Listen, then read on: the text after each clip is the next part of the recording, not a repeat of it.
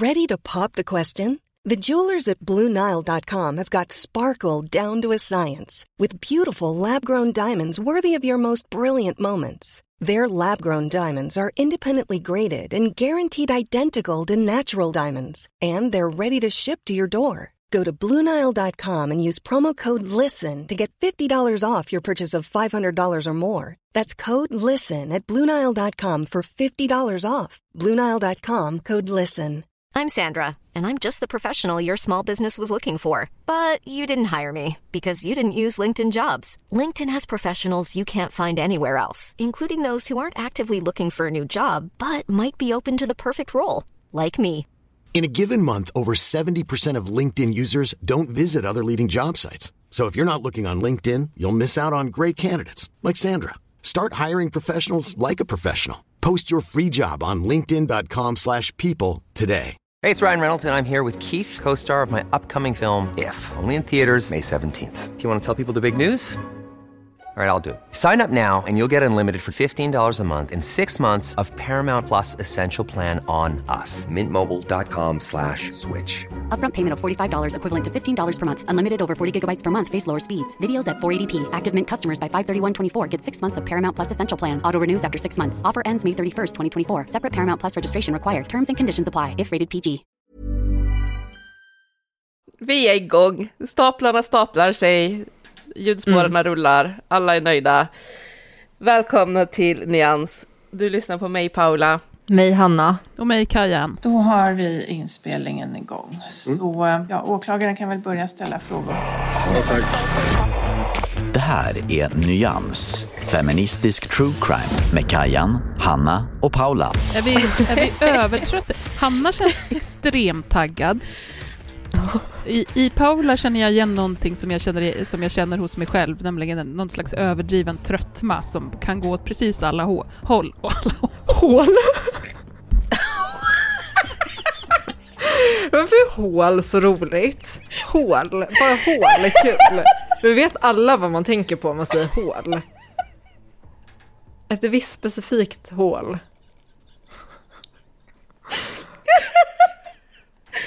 Åh gud, det här kommer bli... Oj, oj, oj. Det, det, här, det här kommer bli en kväll. Det är inte ens någonting att skratta åt. Nej! Nej, men skärpning. Vi är professionella. Extrem trötthet var det. Ja, och jag skulle precis säga att det kan bli att man börjar skrika på någon, eller man börjar gråta, eller man får en skrattattack, och så kommer liksom allt på en gång. I samma hål. Samma hål. Allt in i samma hål. Mm. Jag tror att jag hade Jesus. kvar någon liten bild i huvudet, Ja. för att precis innan vi tryckte på inspelningsknappen, eller Hanna började trycka, förtrycka på sin inspelningsknapp, Ja. så, så hostade Hanna i profil i Mm. webbkameran. Så att jag, jag såg hur Hanna gör när hon hostar, vilket alltså är sträcker ut en liten ödletunga mitt i. Ödletunga också. Ja. Alltså det här är ju en, så, en grej jag inte haft någon aning om förrän jag träffade Johan och han började påpeka och undra varför jag sträcker ut tungan när jag hostar. Mm. En till grej jag gör tydligen, har han konstaterat, så här, när jag funderar, Ja, ja. så rullar, rullar jag upp min överläpp in liksom under så att alla tänderna visas. Mm. Det där har vi sett. När jag funderar, det är Mm. min... Jag hade inte ingen aning, men sen han sa det och jag testade så kände jag att det kändes ganska bekant. Jag kände att jo, men det här, den här posen känner jag igen. Det här har jag gjort. Ja. Det känns väldigt naturligt att Fast- suga in Fast överläppen. eh, tung, ödletungan i hostan, det har du bara tvärförnekat. Den kände du inte igen. Nej, jag känner fortfarande inte igen den. Nej, okej. Jag känner liksom inte att jag gör det. Nej, men det är inte så där du gör. Nu när du, när, när du försöker, då liksom fläker du ut hela tungan. Det är inte så. Nej. Nej, jag känner liksom inte igen det. Jag vet inte. Du kan väl gör, gör någon liten heads-up innan du blir hostsugen nästa gång ska jag vara framme med kameran. Ja, Jaha, hur fan är läget då? det är farligt att känna efter. Ja, det är ju riktigt farligt. Speciellt när man är så gammal som jag känner att jag börjar bli. Eh, Det är inte Du- långt bort till 40 nu alltså. Och det är ju... Fan vad stel man är och det är krämpor och man börjar göra... När man ställer sig upp så märker man att man är så här... Åh, hej! Men så är jag också. Det här när jag böjer mig ner för att typ sätta på ullakopplet eller Ja. plocka upp hennes bajs, då är jag också så här. Att jag liksom gör olika ljud. Ja. Vi, har ju, vi tar ju kvällspromenader promenader i ett elljusspår här med, med kidsen och eh, Bailey. Och i, nu ska vi se när det var, det var inte promenaden igår utan eh, i förrgår, så gick vi och då hade det ju fryst på så det var så jävla halt. Och jag är ju så här, som sagt, jag är 1,82, jag väger duktigt över 100, jag är stel och bara allmänt gammal. Så att om jag ramlar, för det första kommer jag typ inte komma upp. Mm. Och sen så Det för det andra så kommer jag spänna mig så jävla mycket för att jag har ju Åh. också blivit rädd och ängslig. Så att Ja. jag spänner mig så himla mycket så att jag Mm. kommer ju bryta minst tre grejer. Men det där är det värsta, när, man, när hela kroppen bara... Alltså, spä- alltså det är ju typ ont överallt för att man spänner sig så mycket. Men så blir det någon jävla låsning. Och sen Mm. hade jag ett par nya skor som i och för sig var, de var helt glatta under. Så att även när jag bara stod still på det här jävla elljusspåret så kände jag hur jag gled. Och så skulle vi ta oss ner för en eh, ganska så brant backe där man typ kunde gå på stenar som lite så trappsteg. Och det bara låste sig för mig och jag Mm. vet inte om det var fysiskt eller mentalt. Men jag var så här, går jag en millimeter till så kommer jag ramla och dö. Så resten Mm. av familjen gick liksom ner. Sen stod de så här fem meter bort och bara “Kom igen, du kan klara det, var inte rädd!” Och jag fick skrika tillbaka och bara fem meter åt andra hållet satt det någon stackars människa och försökte grilla lite mysigt för sig själv i skogen. Och jag bara “Det går, det går inte, jag kommer ingen vart." Och bara var helt fast där jag stod. Och då kommer det någon jävla... Då tänkte jag på dig Hanna, att det här skulle kunna vara Hanna som kommer. Då kom det en hurtbulle med reflexväst och bara kutade förbi mig. Och jag jag blev så himla kränkt. Jag liksom sprang först förbi min familj, tittade på dem som så här, vad fan ropar de om? Eh, sprang lite till, ser mig där mitt i backen med spretande ben och helt så krampaktig. Eh, och tittar lite försiktigt på mig och tar den där jävla backen i tre steg. Och sen fortsätter springa vidare. Jag bara kände att det här är så ovärdigt. Jag får eh, bilden från eh, Sällskapsresan Åh, Snowroller. åh.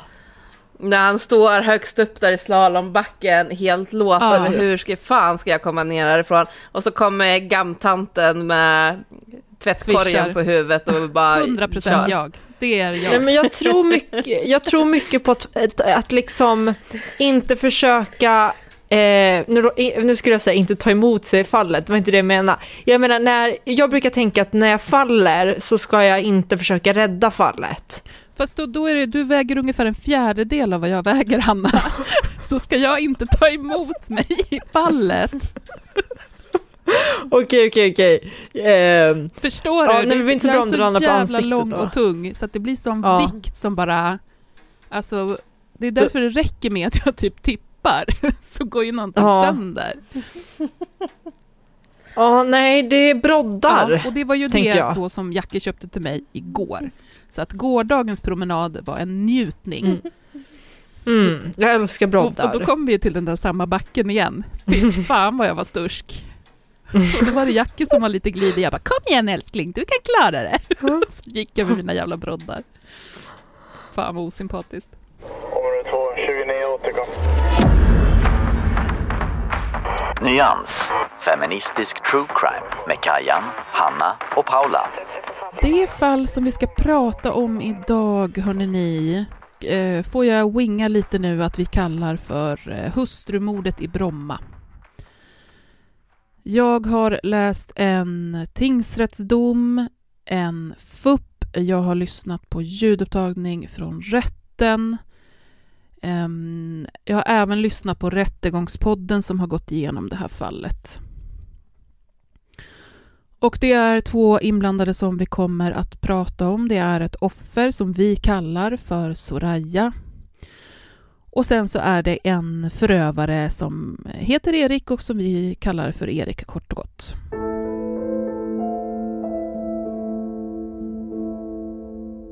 –14 februari 2022. Vi är i Bromma. Polisen får in ett samtal som börjar så här. Polisen. Ja, hejsan, mitt namn är Erik. Hej. Eh, jo, jag ringer angående att min fru inte har kommit hem från jobbet igår. Erik fortsätter att berätta om att hans fru Soraya jobbar som sjuksköterska genom ett bemanningsföretag och att hon dagen innan var på Södersjukhuset och jobbade, men att hon inte kommit hem efter sitt pass. På frågan om hur de har det i äktenskapet och om de har bråkat i närtid så svarar Erik så här. Nej, nej, det eh, har vi inte. Alltså vi, vi har väl nyfött barn, båda är trötta. Det är klart vi har lite, vad heter det, eh, diskussioner och så, men inte på det sättet.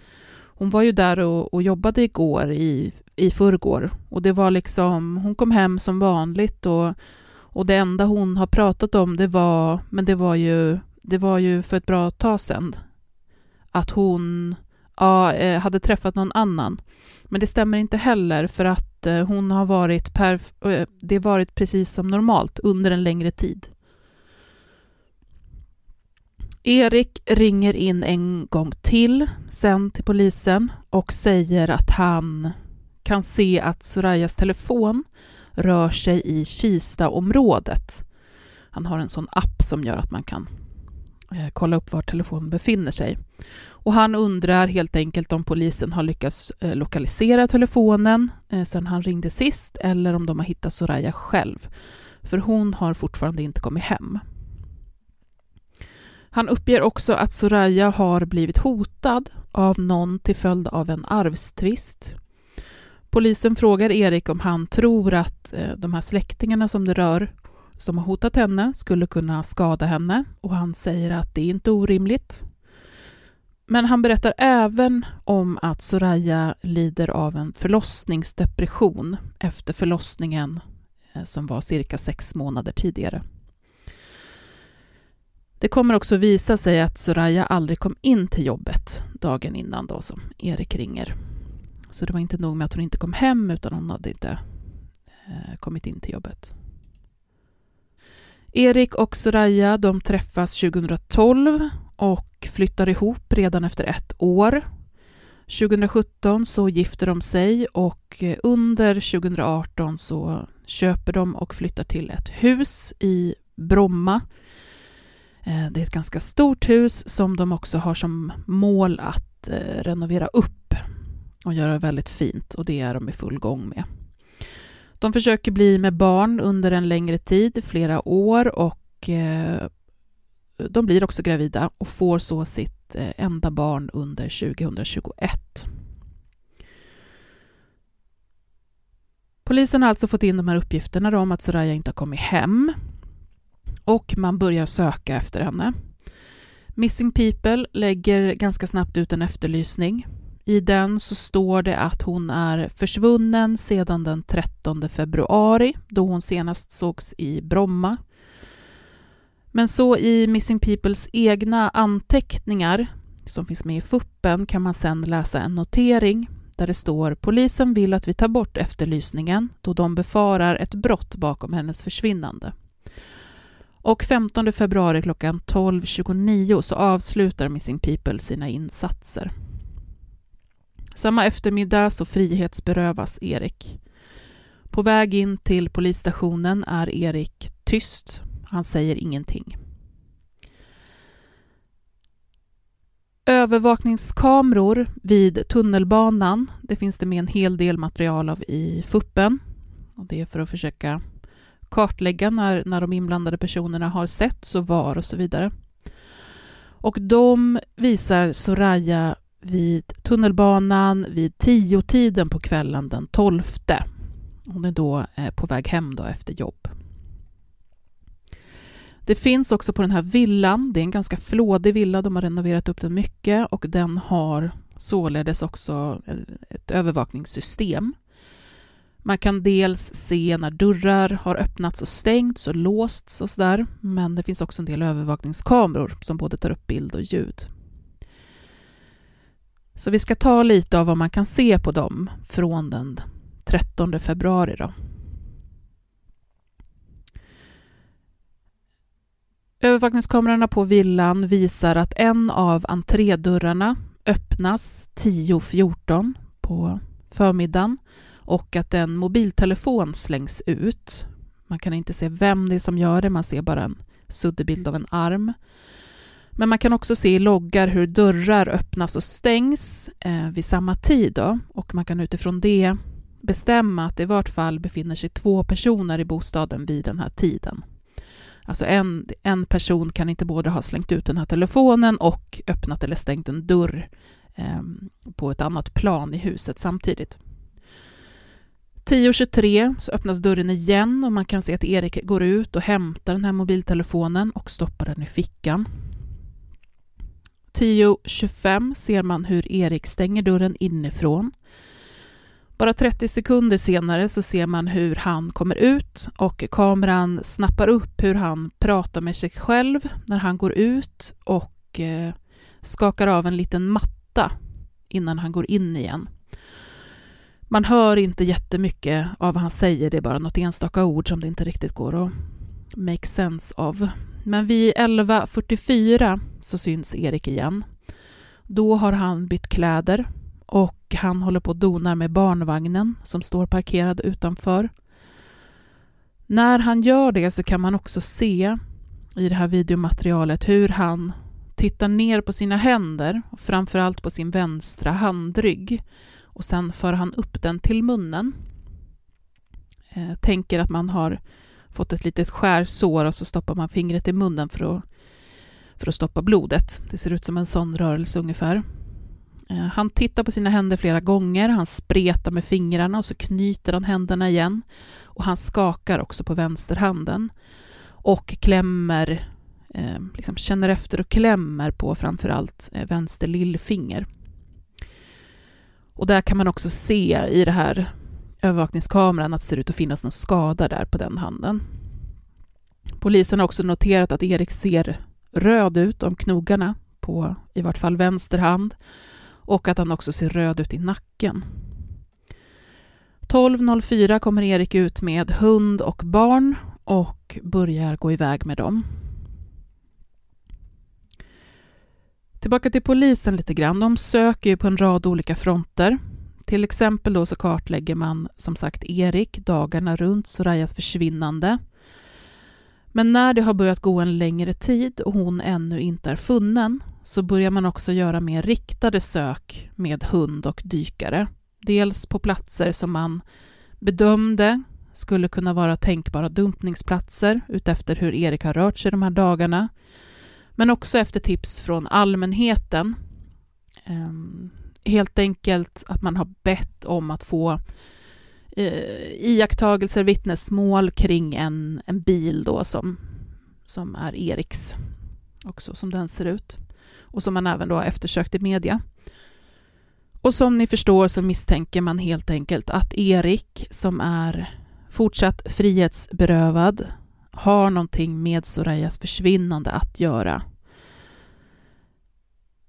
Ehm, detta alltså trots att han har på olika sätt uttryckt att han är en väldigt orolig make som inte vet var hans eh, fru är. Och han har ganska, innan han blir frihetsberövad har han ganska så, ja, men han uppsöker polisen själv flera gånger eh, och ställer frågor och sådär.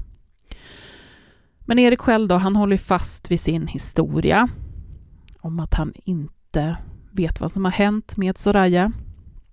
Och den historien håller han fast vid ända tills han inte gör det längre. I förhör den 20 april, så det har alltså gått ett bra tag, så medger Erik för polisen att han har haft ihjäl Soraya. Han säger också att han har rullat in hennes kropp i en matta och att han har dumpat den från kajen vid Kvarnholmen i Nacka. Utifrån den plats som Erik pekar ut för polisen så, så söker man därifrån. Man söker och söker, men man hittar ingenting. Eh, man eh, tar hjälp från lite olika håll. Till exempel tar man hjälp från två oceanografer från Danmark som eh, hjälper till med beräkningar kring var kroppen skulle kunna finnas utifrån djup och strömmar. Alltså att en dumpad kropp eh, kommer ju inte vara still på den platsen där den är, är dumpad nödvändigtvis, utan den kan ju flyttas ganska långa sträckor.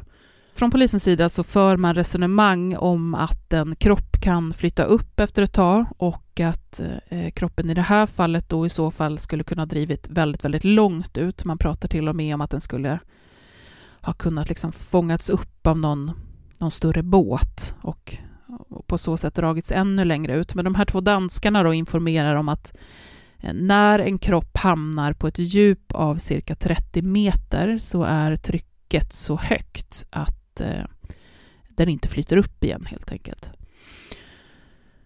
Här någonstans så tar man hjälp av Missing People igen. De har nämligen hört av sig och erbjudit sig att eh, söka av det här området, utpekade området, med en undervattensrobot som man har.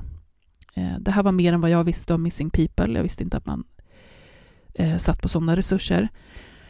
Ehm, men eh, polisen nappar på det här. De har ju inte hittat någonting själva, så de nappar på erbjudandet och Missing People kommer göra två sök med den här undervattensroboten innan den går sönder. Man hittar ingenting och sen så går roboten sönder. Och under hela sommaren så väntar man på reservdelar till den. Först den 27 september så gör polisen ett nytt sök med sonar och man ser någonting på den här sökningen man gör, man undersöker det och man hittar en kropp. Det är alltså i Kvarnholmen, vid kajen. Det är på ett djup av, jag har inte skrivit upp det, men jag har för mig att det var 23-24 meter. Så hittar man en kropp inlindad i en matta. Det är dryga tre meter uppe från kajkanten och sen ner till vattenytan. Och sen så var det då eh, vattendjupet på det. Den här mattan är ihoptejpad med brun packtejp runt ena änden. Eh, den är några varv där. Och man kommer senare att identifiera kroppen som Sorayas. På bilder som man hittar från parets hus från året innan så kan man också se en identisk matta ligga under köksbordet. Det finns en del skador på Sorayas kropp. Till exempel så hittar man ett hampasnöre i flera lager runt hennes hals. Det finns också missfärgningar på halsen, Eh, det vill säga på huden vid halsen, under de här snörena. Och man ser också att det finns, vid obduktion så ser man att det finns brott både på tungbenets högra utskott och på sköldbroskets övre högra horn. Skadorna talar starkt för trubbigt våld och är också förenliga med att, ehm, ska vi säga den här tesen då, att Soraya har strypts till döds. Eh, och det är samstämmigt, det här kommer vi gå in på, men det är samstämmigt med det som Erik har berättat, nämligen att det har skett med eh, händer och eller ett snöre. Soraya har även en bruten näsa brutet näsben. Som jag sa då så är det ju Erik som själv till slut medger att han har haft ihjäl Soraya. Men han menar, som vanligt höll jag på att säga, Eh, att det var utan uppsåt. Det var inte meningen att det skulle bli så här. Jag har inte tänkt gå igenom hans utsaga i detalj, men man kan sammanfatta den så här. Och det är ändå ganska långt för han berättar väldigt, väldigt mycket. Erik då, han menar att Soraya har brukat våld och varit aggressiv mot honom länge. Det blev lite bättre när de fick barn, men efter några månader så var det tillbaka igen. Som någon slags copingmekanism så börjar han dricka en hel del för att orka med, säger han. Eh, han dricker alltså dagligdags egentligen eh, ganska många starköl och också en Annie själv med, med barnet. Då. Den här morgonen så menar han att han är uppe med barnet eh, ganska tidigt samtidigt som Soraya fortfarande ligger och sover efter att ha jobbat kvällen innan. När hon väl kommer upp så är hon arg på honom. Han eh, lämnar rummet som de är i en stund och när han kommer tillbaka så är hans mobiltelefon som eh, barnet satt och tittade på. Då är den borta. Eh, och han hittar den sen kastad då utomhus. Han menar att Soraya skriker saker till honom, som att han ska veta sin plats. Ehm, jag ska inte lägga in så mycket värderingar och sånt här, men jag, jag, jag, tycker just det där låter så otroligt sökt, så jag har så svårt att hålla mig. Ehm, och då ska jag säga, inte, inte som att Soraya inte skulle kunna skrika saker på honom, men just att, att hon skulle skrika att han ska veta sin plats i just den här situationen känns väldigt sökt. Hur som helst, han går ner till källarplanet då. Och, eh, förlåt, hon går ner till källarplanet. Hon ska duscha där nere. Hon skriker på honom därifrån också. Han ska hämta matlådor och han ska serva henne med saker. Och han beskriver hur han gör det så snällt och går också ner med barnet som han lägger på golvet medan han viker tvätt i tvättstugan. När han är där så passar han också på att städa upp eller plocka undan. Han menar att Soraya är väldigt pedantisk. Det är också ett extremt välordnat städat hem av vad man, vad man kan se på bilderna och också utifrån polisens anteckningar. Och Erik menar alltså att det är Soraya som är otroligt pedantisk och att hon blir väldigt arg på honom om någonting ligger framme eller ligger på fel plats. Så han städar upp där i tvättstugan och lägger bland annat en längre bit snöre i sin ficka för att det ska inte ligga framme. Eh, han menar sen att eh, när han kommer tillbaka då ut och försöker plocka upp barnet så kommer Soraya skrikande och hon har då beväpnat sig med en sax och en galge och hon kommer nu mot honom och skriker. Och hon skriker saker till honom som att hon ska hugga honom. Erik beskriver hur han går en sväng till garaget här någonstans, men han kan inte minnas varför. Eh, åklagaren kommer resonera om att han går dit för att hämta det här snöret som han precis har plockat på sig då, enligt honom i tvättstugan. Men det kan han inte hålla med om, men han, han minns inte vad han gjorde i garaget. Men han gick dit och sen gick han tillbaka. Och när han kommer tillbaka så beskriver han hur Soraya attackerar honom. Hon slår honom, skriker att hon ska hugga honom, att han ska ut och så vidare. Hon har fortfarande den här galgen och den här saxen. Och det är då som, enligt honom själv, han blir väldigt arg. Det är en ilska han aldrig har känt förut. Han tar ett stryptag på henne. Sen menar han att det svartnar av den här ilskan då och att nästa sak han minns egentligen är en duns och att de befinner sig på golvet och då är det han över Soraya som ligger på rygg på golvet. Han minns då att han fortfarande stryper henne med handen men nu också att han dessutom tar fram det här snöret ur fickan och börjar linda det runt hennes hals och strypa henne med det. Soraya dör av det här våldet och eh, Erik inser det och känner att han vill ut därifrån. Så han kommer helt enkelt att packa med sig barn och hund och han kommer ta med sig Sorayas telefon och sen så kommer han lämna huset vid den tiden där Soraya brukar lämna när hon ska iväg till jobbet. Och så kommer han göra samma rutt som hon brukar när hon eh, reser till jobbet. Då. Helt enkelt för att det skulle se ut som att hon genom eh, telefonen då har lämnat huset. Han dumpar sedan hennes telefon och åker tillsammans med barnet tillbaka till huset. Och när han kommer dit så känner han att han måste få bort kroppen. Han måste gömma den. Så han hämtar en matta och han rullar in henne i den. Han tar sedan med sig barnet, han lägger in kroppen i bilen och kör runt för att hitta något bra ställe då att gömma kroppen på och han kommer att stanna till vid Kvarnholmen.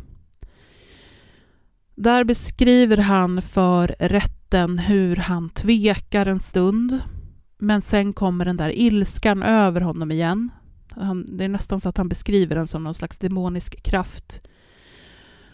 Och han blir så där arg igen så att han lyfter ut kroppen och rullar ner den för kajkanten. Och här är han också noggrann med att eh, berätta att han ser när han puttar ner mattan så ser han hur den glider ner lite så att Sorayas huvud blir synligt, blottat och att han ser att huvudet slår i vattenytan i fallet. Och det här kan vi förstå ska vara en förklaring till den brutna näsan som han annars inte har någon förklaring till. Efter det här då så åker han hem och sen påbörjar han hela den här charaden med att spela orolig make. Han ringer till anhöriga, han ringer till arbetsplatser, han ringer polisen upprepade gånger och han försöker ringa till Sorayas telefon också så att det ska se ut som att han har eh, sökt henne. Område 2, 29 återkom.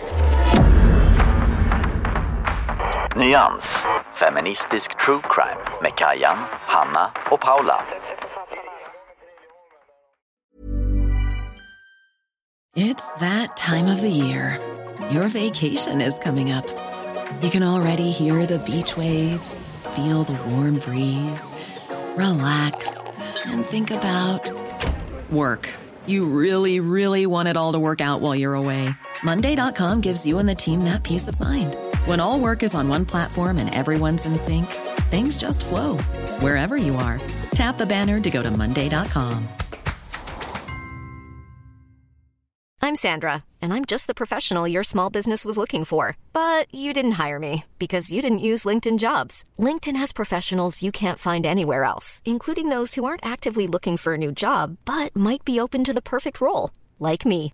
In a given month, over 70% of LinkedIn users don't visit other leading job sites. So if you're not looking on LinkedIn, you'll miss out on great candidates like Sandra. Start hiring professionals like a professional. Post your free job on linkedin.com/people today.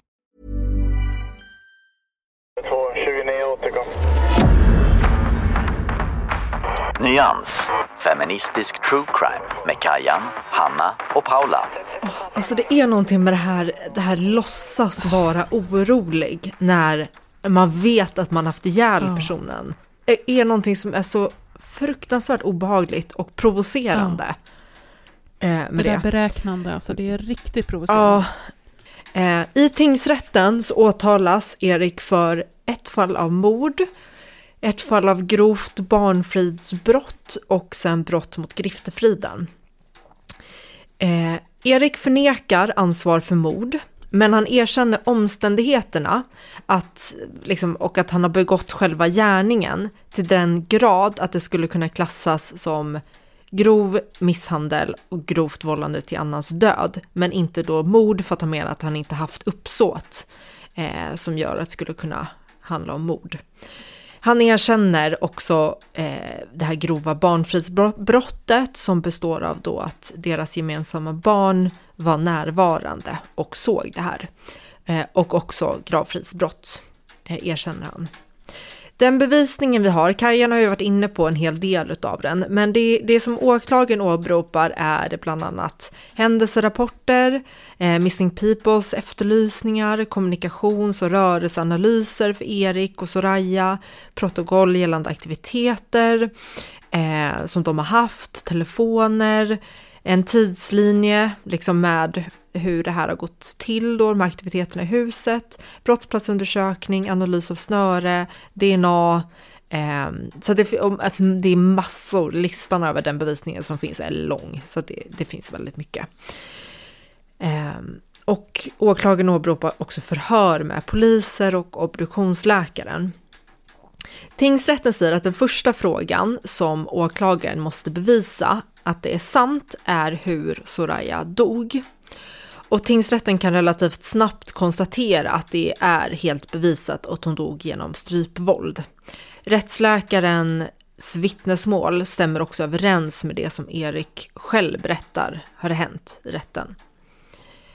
Sen konstaterar tingsrätten att det också är uteslutet att det är någon annan än Erik som kan vara gärningsman.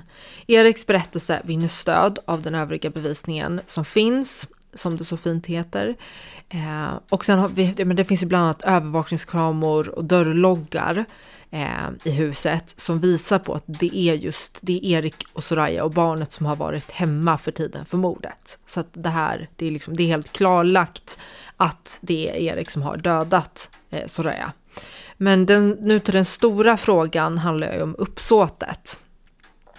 Och då skriver tingsrätten så här.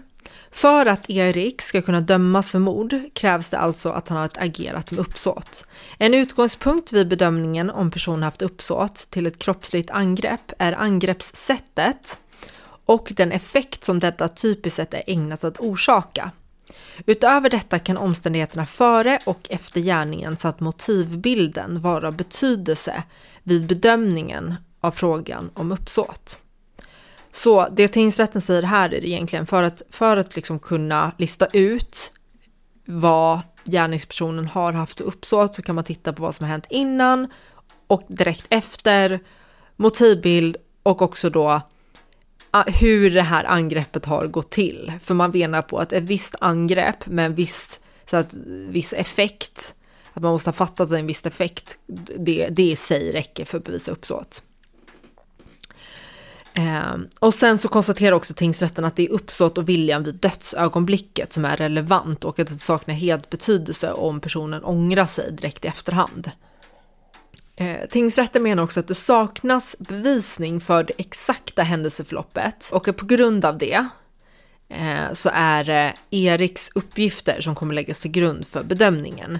Det finns ju väldigt mycket bevisning om att det är han som har dödat henne och hur hon har dött och så vidare. Men liksom hur själva handlingen gick till, i vilken ordning eh, det skedde och så vidare. Det, det finns inte så mycket bevisning för, kring och därför då så blir det det Erik säger.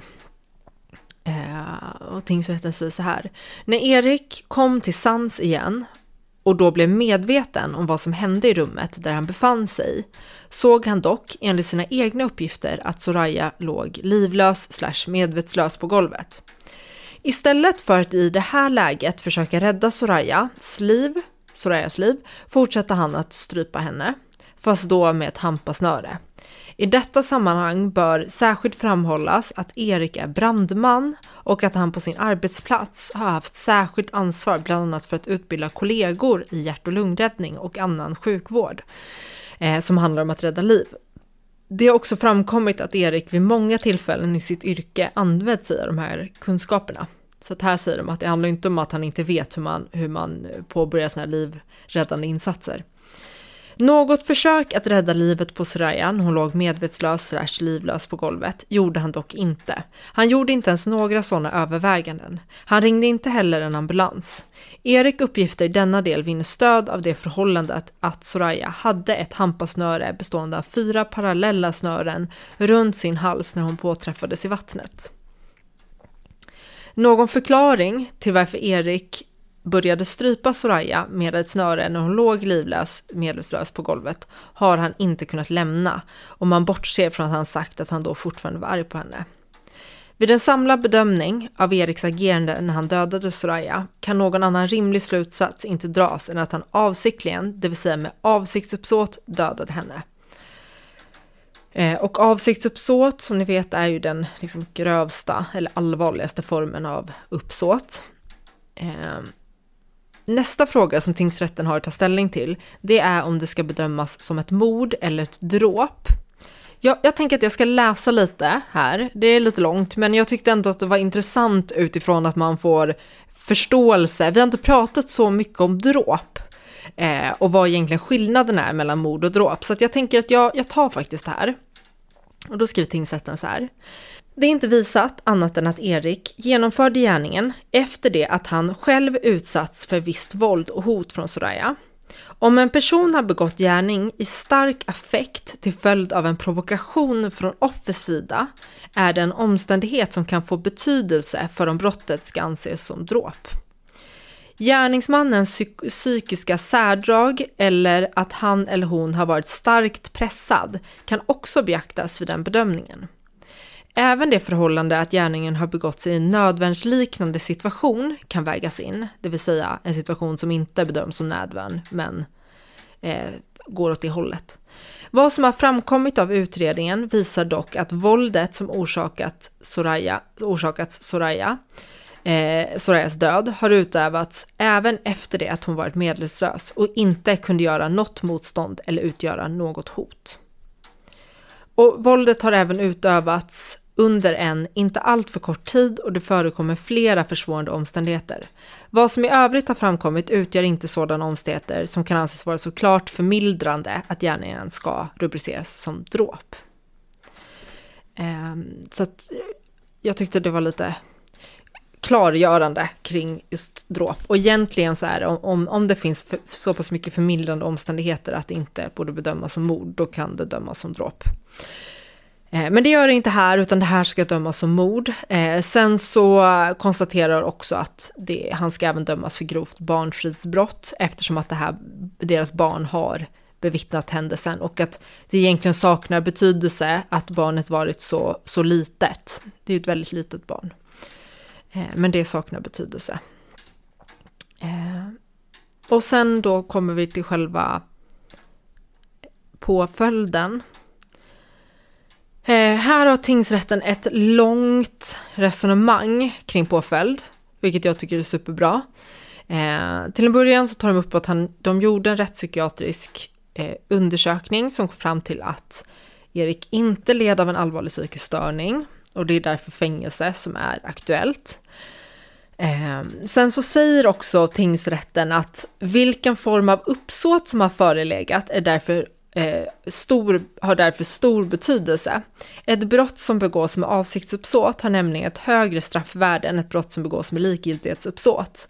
Eh, och det här tänkte jag, vi diskuterade ju det här för något avsnitt sen, om just hur, hur eh, uppsåtsgraden påverkar. Och jag skulle säga, hade tingsrätten bedömt det som dråp på grund av uppsåt, att det var ett lägre uppsåt, skulle jag säga att då kan de inte då skulle de inte ta upp det som förmildrande en gång till sen, liksom i påföljdsbestämmelsen. Men här så, så fanns det ju inget sånt, det var ju tvärtom.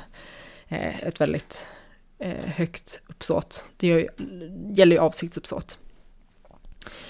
Eh, det som är försvårande, eh, utöver att mordet begicks då med avsiktsuppsåt, är att det begicks av en närstående i deras hem inför deras gemensamma barn. Eh, försvaret försöker få det till att det är en förmildrande omständighet att Erik blev angripen av Soraya först, vilket han då hävdar. Men det köper inte tingsrätten överhuvudtaget och de säger så här. Tingsrätten ska avslutningsvis göra en helhetsbedömning angående om livstidsfängelse är befogat.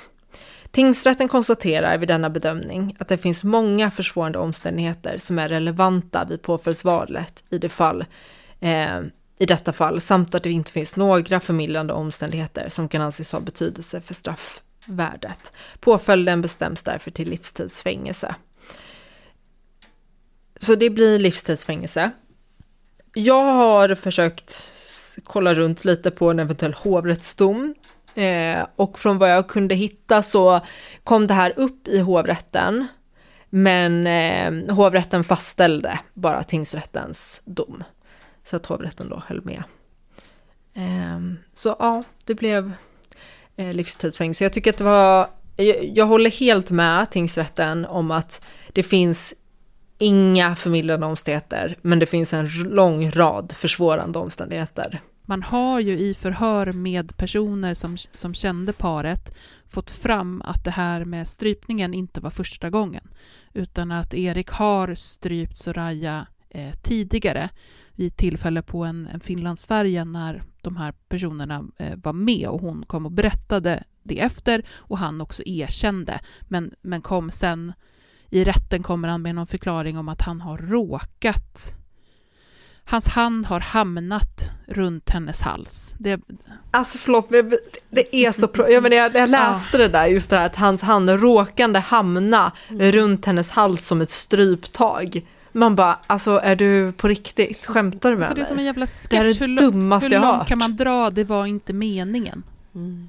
Nej men alltså det är, så, det, är så, det är så pinsamt. Jag tänkte att det var bra att få med eftersom han ändå drar på ganska duktigt med att hon har utövat mm. våld mot honom. Alltså det var, eh, det var så provocerande att läsa om hur han målar fram det som att han är den utsatta. Mm. Nyans, feministisk true crime med Kajan, Hanna och Paula. Ja, det var där jag tänkte vi skulle ta vid i tråden först. eh, det här med Darvo. Vi pratade ju lite om det när vi diskuterade kring eh, eh, rättegången mellan eh, Johnny Depp Mm. och Amber Heard. Att eh, det här med Darvo kan ju ställa till det för utomstående. Och för den som inte vet då vad Darvo är så är det en sån akronym. D står för då i Darvo, det, stav, det stavas alltså D-A-R-V-O. D står för Denies Responsibility. Det är ett engelskt begrepp såklart. A. Attack. R. Reverse Roles. V. Victim. O står för Offender. Det vill säga att eh, det första som sker i en sån här typ av situation med, där, där Darvo blir grejen så att säga. Det är att förövaren först förnekar att den har något ansvar för det som har hänt. Den går, förövaren går sedan till attack mot offret. Eh, med anklagelser om hur det egentligen är offret som eh, har felat på olika sätt. För att i slutändan då försöka vända på rollerna så att det liksom, omgivningen ska läsa offret som förövare och förövaren som offer. Så när man är utomstående så är det jättesvårt i en sån här typ av situation där båda har brukat våld, där båda har betett sig jävligt illa mot varandra, där liksom en relation har varit så toxisk som det bara går att få det. Eh, och där man pekar finger mot varandra, båda har bevis mot varandra för, för förekomsten av våld och så vidare. Att då utröna vem är egentligen förövaren, vem är egentligen offret, för båda kommer hävda att det är den andra som har gjort fel, det är den andra som är förövaren, eh, det är den andra som på något sätt har triggat fram, Mm. alltså att det egna våldet alltid då är någon form av traumarespons eller liksom framtriggat eh, respons på våldet. Och det är lite därför vi kom fram till, till också i, i liksom vårt avsnitt om det här att vi kan inte säga det är jättelätt som feminister och säga att ja, men det är klart att det måste vara Johnny Depp som är förövaren. För han, han är liksom en gammal missbrukare eh, som har bränt alla hjärnceller på att knarka i mer eller mindre hela sitt liv. Och, eh, och Amber Heard är en kvinna som är jättemycket Mm. yngre och så vidare. Men det måste ju inte vara så. Och det fanns ju som sagt vittnesmål åt andra hållet också.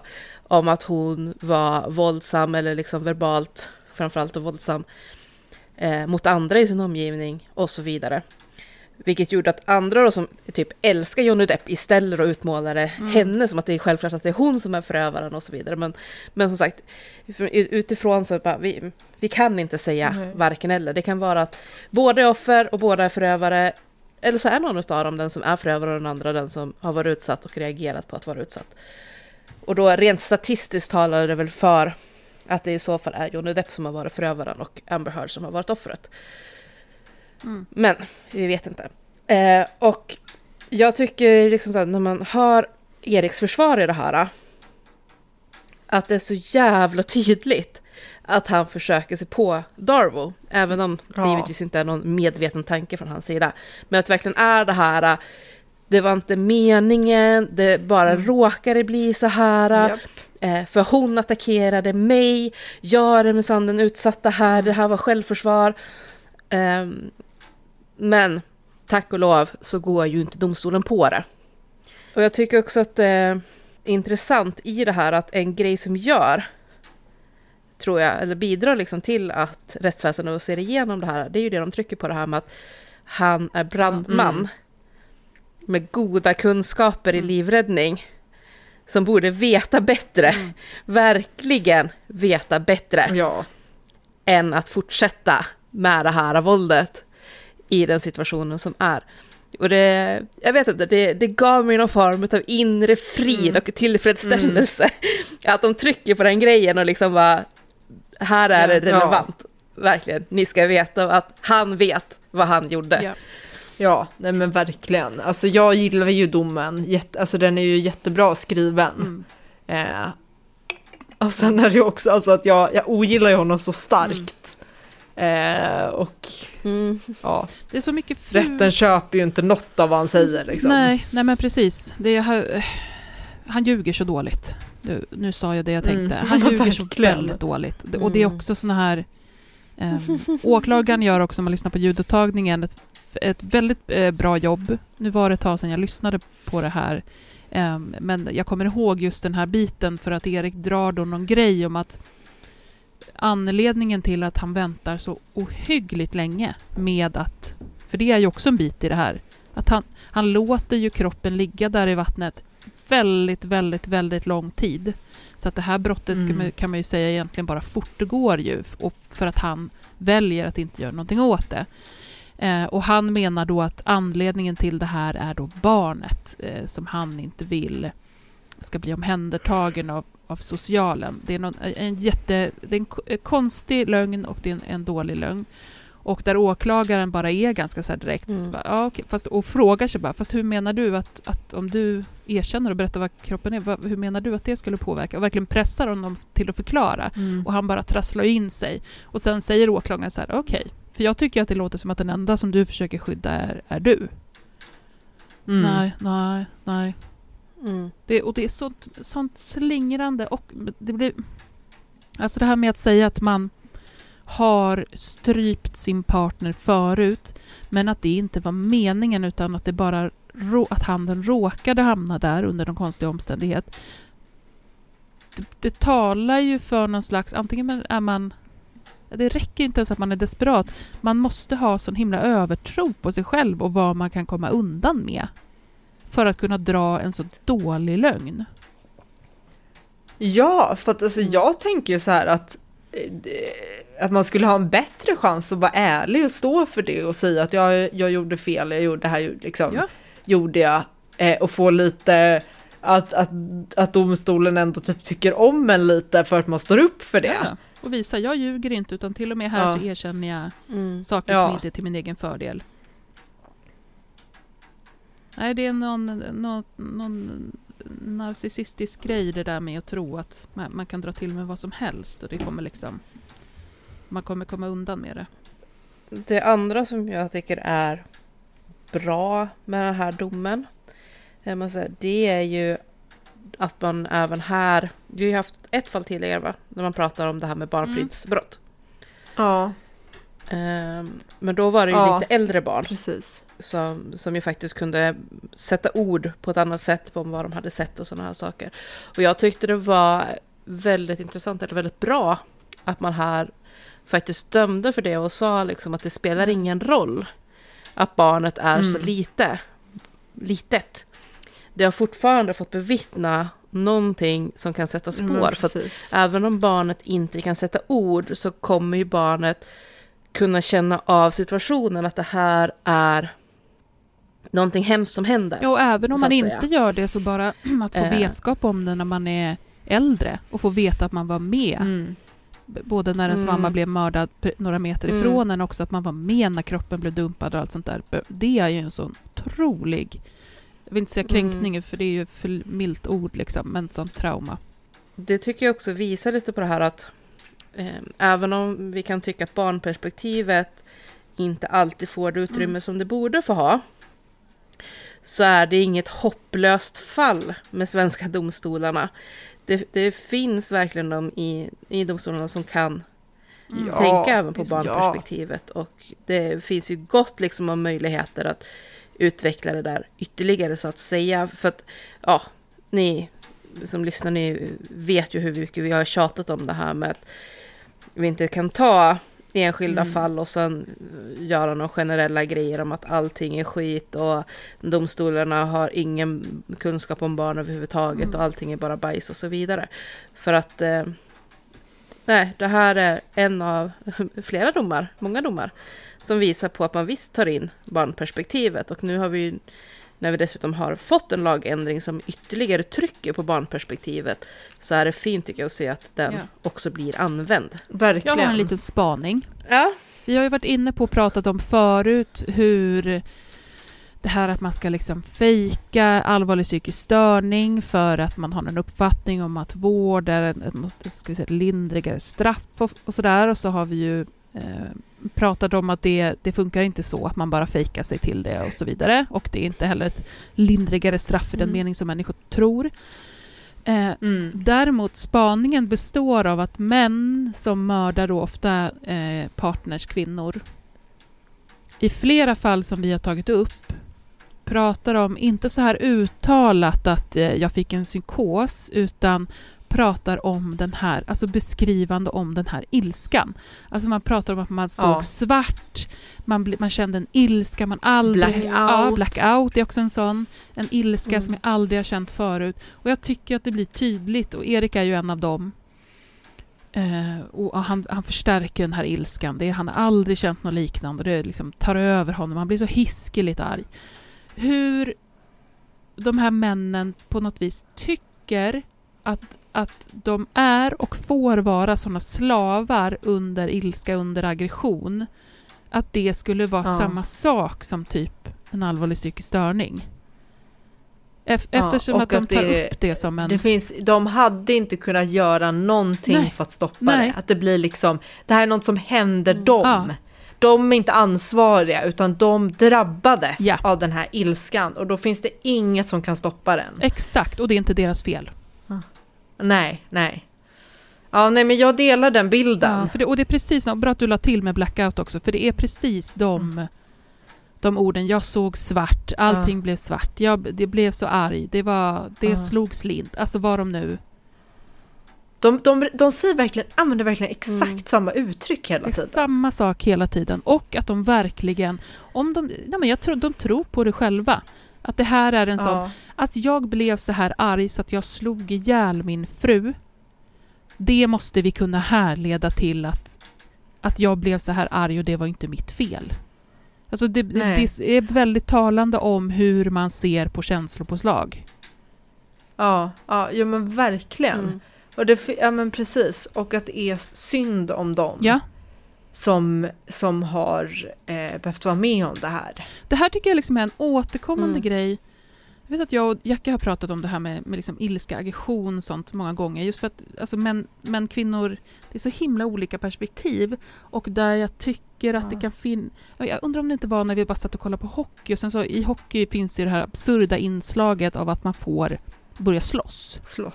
Ja, det är så och man ska sjukt bara alltså. vänta och kommentatorerna hejar Mm. på och vem vinner och någon börjar blöda och det är ändå så här, ja, när det handlar om att visa liksom sin, sin styrka, sin makt eller övertag och så här. Eller, eller att Ja. någon bara lackade ur på någonting. Eh, men just hur jag tror att det inte är helt ovanligt att män, ser, alltså, att män är rätt kassa generellt på att hantera känslor, det vet vi ju, det är ju ingenting nytt. Men Mm. just hur de ser att när de Mm. blir arga för att de har fått så mycket utrymme att manifestera det, att leva ut sin ilska, Mm. utrymme som vi aldrig har fått. Vi har fått vända vår Nej. ilska inåt eller hantera den på andra sätt. Men de har fått det här utrymmet att leva ut ilskan och då tror jag att de har börjat tro Mm. att deras ilska är så mycket större och mer kraftig Ja. än vad våran är. Ja, Eftersom Ja, att de lever ut alltså, den. 100 procent. Det är så provocerande. Att de liksom använder Ja, jo, men det tror de. Ja, de tror det. Och att, och att man är så här att, Mm. fast du tror inte att jag känner precis lika mycket eller mer ilska som du, bara att jag hanterar den. Och sen behöver inte det Ja. inte alltid vara på positiva sätt. Mm. Man kan liksom, som sagt, som eh, kvinnor ofta gör, eh, vänder inåt eller liksom eh, mot sig själv på olika sätt. Men, men, men Mm. att, man, att de inte kommer längre i att se så att fast det här har uppmuntrats av mig. Jag har fått det här utrymmet att, det vet jag, slåss, smälla i dörrar, skrika. Eh, Mm. Ett utrymme som vi Mm. inte har fått. Och att, då, att inte härleda det till liksom vad det faktiskt är, olika utrymme eh, för, för att hålla på och bete sig. Till att de tror att ja, men mina känslor är Mm. så starka. Så att jag, Jag kan tror inte... verkligen... Nej, men jag tror Mm. verkligen att det är som du säger, att de tror att de blir argare än vad andra människor blir. Gud ja. Eller när, Mm. än vad liksom kvinnor... Eh, och det blir också så paradoxalt när man tänker så här, ah, hela den här grejen med att kvinnor, vi kan inte, eh, vi är så känslosamma. Vi är så och bara, man bara, for, for real? Ja, nu får du faktiskt här bestämma dig vilken dum jävla Ja. fot du ska stå på. Ja, du kan liksom inte ha, äta kakan och ha den kvar. Nej. Stoppa upp den där kakan, tack så mycket. Ja, ja. Jag kommer ihåg när jag såg, vad heter han, eh, Jag tror att han heter... Nej, inte Huvudet på en mördare. För det är den svenska. Det här, det här är en amerikansk. Eh, men med något liknande namn, så här dokumentärserie. Eh, och då hon som intervjuar folk som sitter inne för mord. Pratar med en man som är dömd för att han väldigt utdraget, väldigt brutalt slog ihjäl sin flickvän. Mm. Och han körde också på det här, bara, nej men hon, eh, hon hade provocerat mig, hon svarade inte på sms. Jag trodde att hon var med en annan man, jag var helt säker på att hon var otrogen och hon förnekade det inte. Och så kör han på den där, bara, "Eh, jag, jag såg bara svart. Och när jag vaknade upp eh, ur det så var hon död. När de klipper bort då ifrån honom så, så beskrivs det ju liksom så här bara att fast det fanns liksom ljudinspelningar bland annat från grannar som spelade in vad de hörde genom väggarna medan de var i samtal med, eh, med polis om att de måste komma. Och polisen var jävligt seg på att dyka upp. Och då är han helt lugn. Och bara, bara hör, liksom, jämfört det var ganska lyhörda lägenheter till men liksom helt lugnt sådär bara, varför gör du det här mot mig? Varför kan du inte bara säga sanningen? Varför ljuger du för mig? Och sådär. Och att han gör avbrott då han går och käkar. Han sätter sig och ser på tv och så fortsätter han misshandeln och så vidare. Och så sitter han ändå där och försöker bara, nej allting blev svart. Jag blev så arg så allting blev svart. Man bara, men du blir inte så arg att allting blir svart i, jag tror de räknade med att hela misshandeln totalt tog en och en halv timme. Alltså. Men alltså är det ens en grej att man kan bli ar- så arg att man blackout? Det, det, det finns väl inte? Eller? Vad är det som skulle black out? Att man alltså får- grejen är, man kan ju få... Nej men att man liksom får minnesförlust typ och så här, jag vet inte, tappa medvetandet eller något. Vad menar de ens när de säger blackout? Nej. Det är så här, för att, för att man läser det som så här, nej men jag fick en blackout, jag vet inte vad som hände typ. Men så plötsligt stod jag där med kniven. Alltså, Nej, men alltså för det man brukar säga och som, väl, som man väl kan känna igen sig och som låter ganska rimligt är ju att man kan få ett sånt känslopåslag att man i, under en väldigt kort tid inte hanterar en, en impuls att göra något. Alltså Ja. jag, du säger Ja, ja. något förskräckligt till Mm. mig eller du typ slår mitt barn och jag hamn, får sånt känslopåslag av ilska att jag slår dig tillbaka. Eh, ja. Ja, nu Mm. låter ju det ganska Men rimligt det är att väldigt- tillbaka, men ni fattar vad jag menar. Ja. Att, man, att det, och Ja, att det ja, blir det som är eh, jag såg svart. Men att se svart, det är ju som att de har tagit det, eh, alltså att man får sånt starkt känslopåslag att man inte stoppar en impuls att agera. Det är som att de har tagit det och gjort det till samma Mm. sak som en blackout som på, kan pågå i flera, flera timmar. Så funkar det ju inte. Ja. Nej, nej men precis. Och Nej. också det här att så många som säger att de inte, eller jag har läst flera gånger i alla fall just det här, nej men jag, jag vet inte vad som hände. Ja. Jag fick en blackout. Mm. Och att det blir ungefär som att jag fick en Mm. minnesförlust. Eh, alltså, nej. Det är ju åter det här igen narrativet som att de inte kunde rå för det. Att det är som en ja, utomstående de kraft drabbats av som något. kommer och tar över dem. Och då Ja. finns det ingenting att sätta emot för att deras ilska, Nej. den är ju inte som, som alltså andra människor, som kvinnors ilska. Det är ju Nej. inte så. Det här är ju någonting annat. Nej. Nej. Åh, jag blir så Exakt. provocerad av det här. Det här är enda mina... Åh. Det är så här, skulle det finnas någon... men det Jag är tänkte, så skulle det finnas provokativt. typ någon mätare som man typ, men när man har under förlossningen, när man verkar, man sätter mätare på magen som, och så får man fina små staplar kring hur kraftiga verkar man har. Så underbart att så, så Mm. det, typ en av få sakerna där det finns så tydligt mätbart med att så här, så här ont Mm. gör det typ eller. Ehm, ja. skulle det finnas en sån som man skulle typ sätta vid tinningarna som mätte ilska, alltså jag tror inte att det är många män som skulle komma i närheten av till exempel mig Nej. eller er. Nej, nej, nej. Nej. Alltså jag tror, inte, jag jag tror inte att de har en aning. Nej men alltså jag kan ju vara kroniskt arg i typ flera veckor. Ja, herregud, ett helt liv. Det är liksom, ja. Ändå kände jag hur nagel lossnade. Jag måste sätta tillbaka den i rätt position. Nej. Område 2, 29 återkom. Nyans. Feministisk true crime med Kajan, Hanna och Paula. Nej, är vi redo för en snackis Ja. nu? Då ska vi prata om Dimitri. Vem är det? En, Dimitri är en eh, italiensk man. När han var i... Vad fan står det ingen ålder på honom för då? Ja men säg 27-årsåldern. Så eh, var han eh, på eh, semester med sin 27-åriga flickvän. Och de hade då varit tillsammans i nästan 10 år. Så sen de var ganska små, helt enkelt.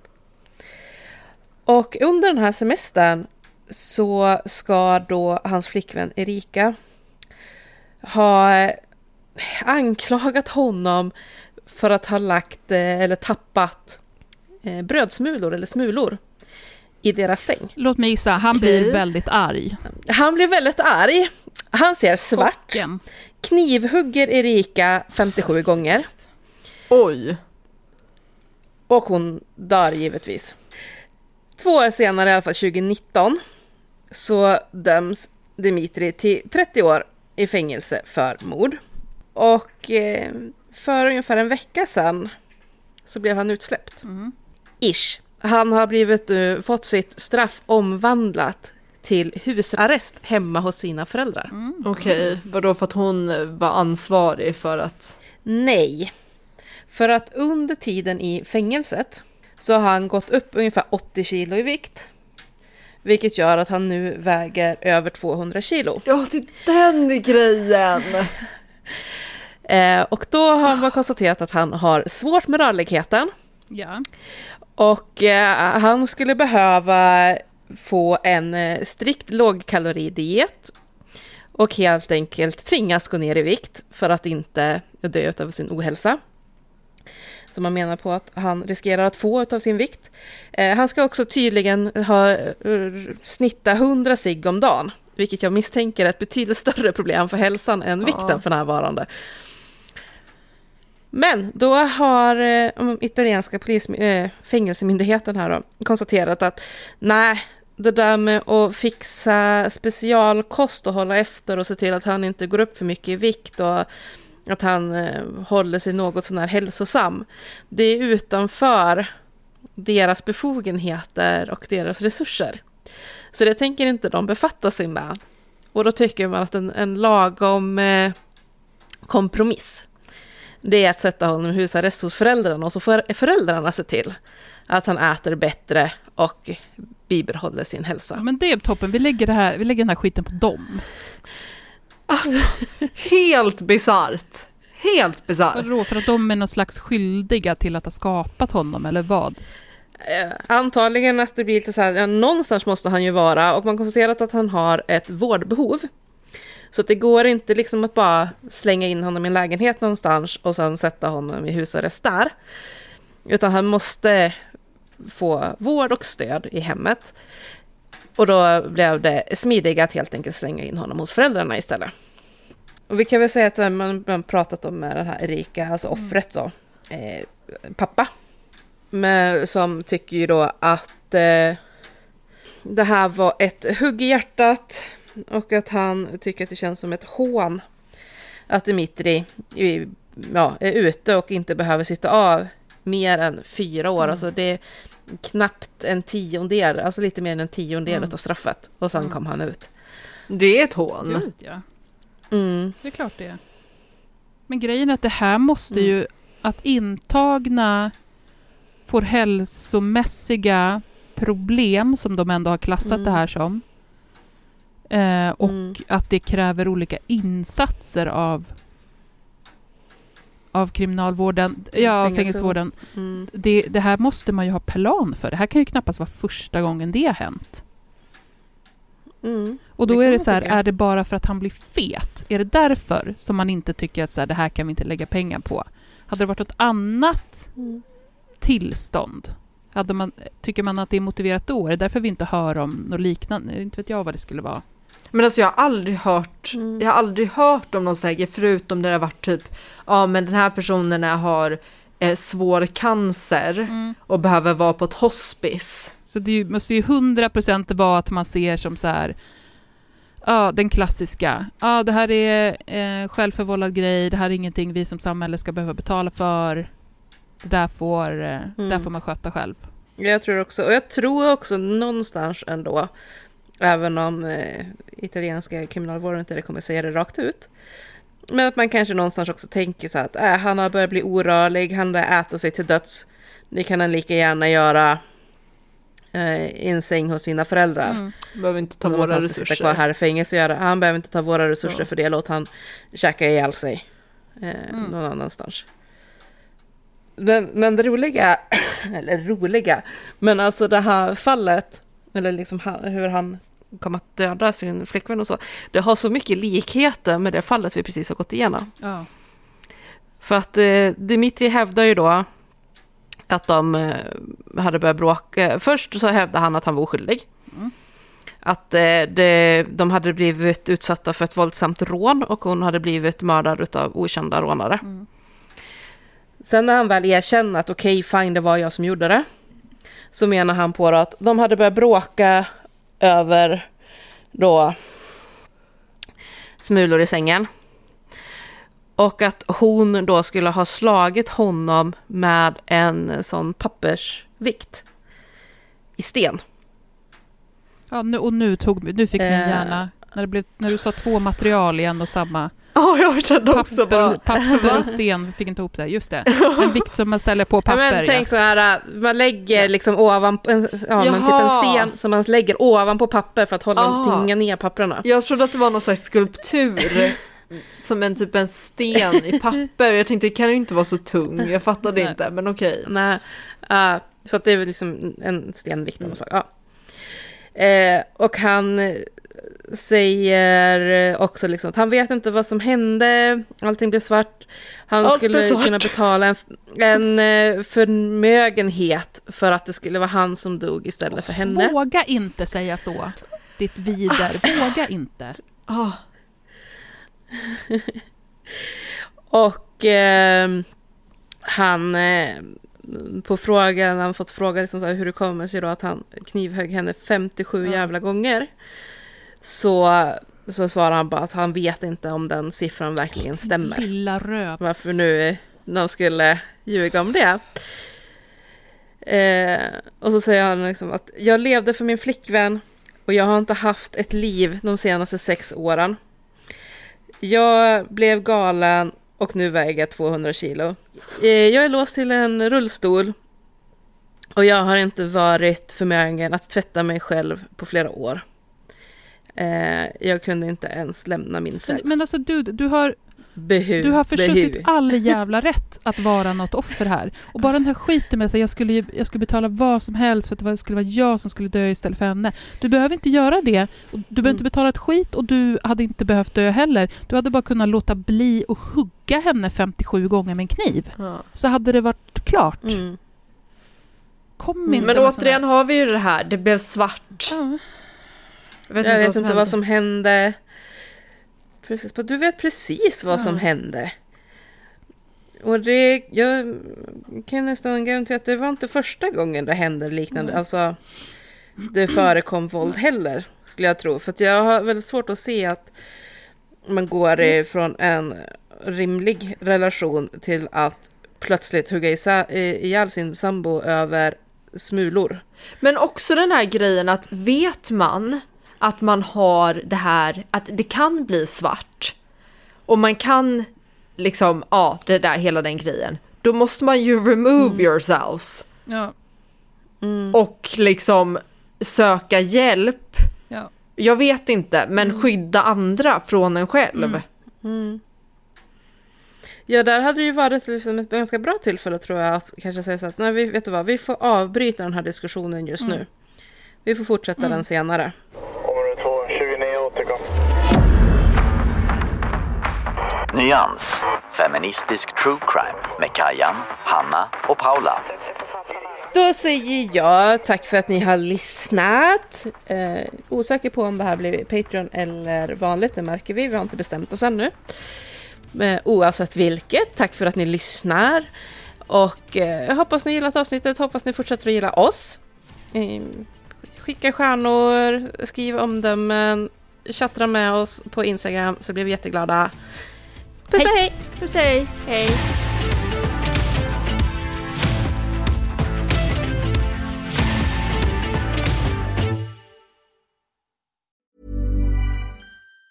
Even on a budget, quality is non-negotiable. That's why Quince is the place to score high-end essentials at 50 to 80% less than similar brands. Get your hands on buttery soft cashmere sweaters from just 60 bucks, Italian leather jackets, and so much more. And the best part about Quince, they exclusively partner with factories committed to safe, ethical, and responsible manufacturing. Elevate your style without the elevated price tag with Quince. Go to quince.com slash upgrade for free shipping and 365-day returns. When you make decisions for your company, you look for the no-brainers. If you have a lot of mailing to do, stamps.com is the ultimate no-brainer. Use the stamps.com mobile app to mail everything you need to keep your business running with up to 89% off USPS and UPS. Make the same no-brainer decision as over 1 million other businesses with stamps.com. Use code program for a special offer. That's stamps.com, code program.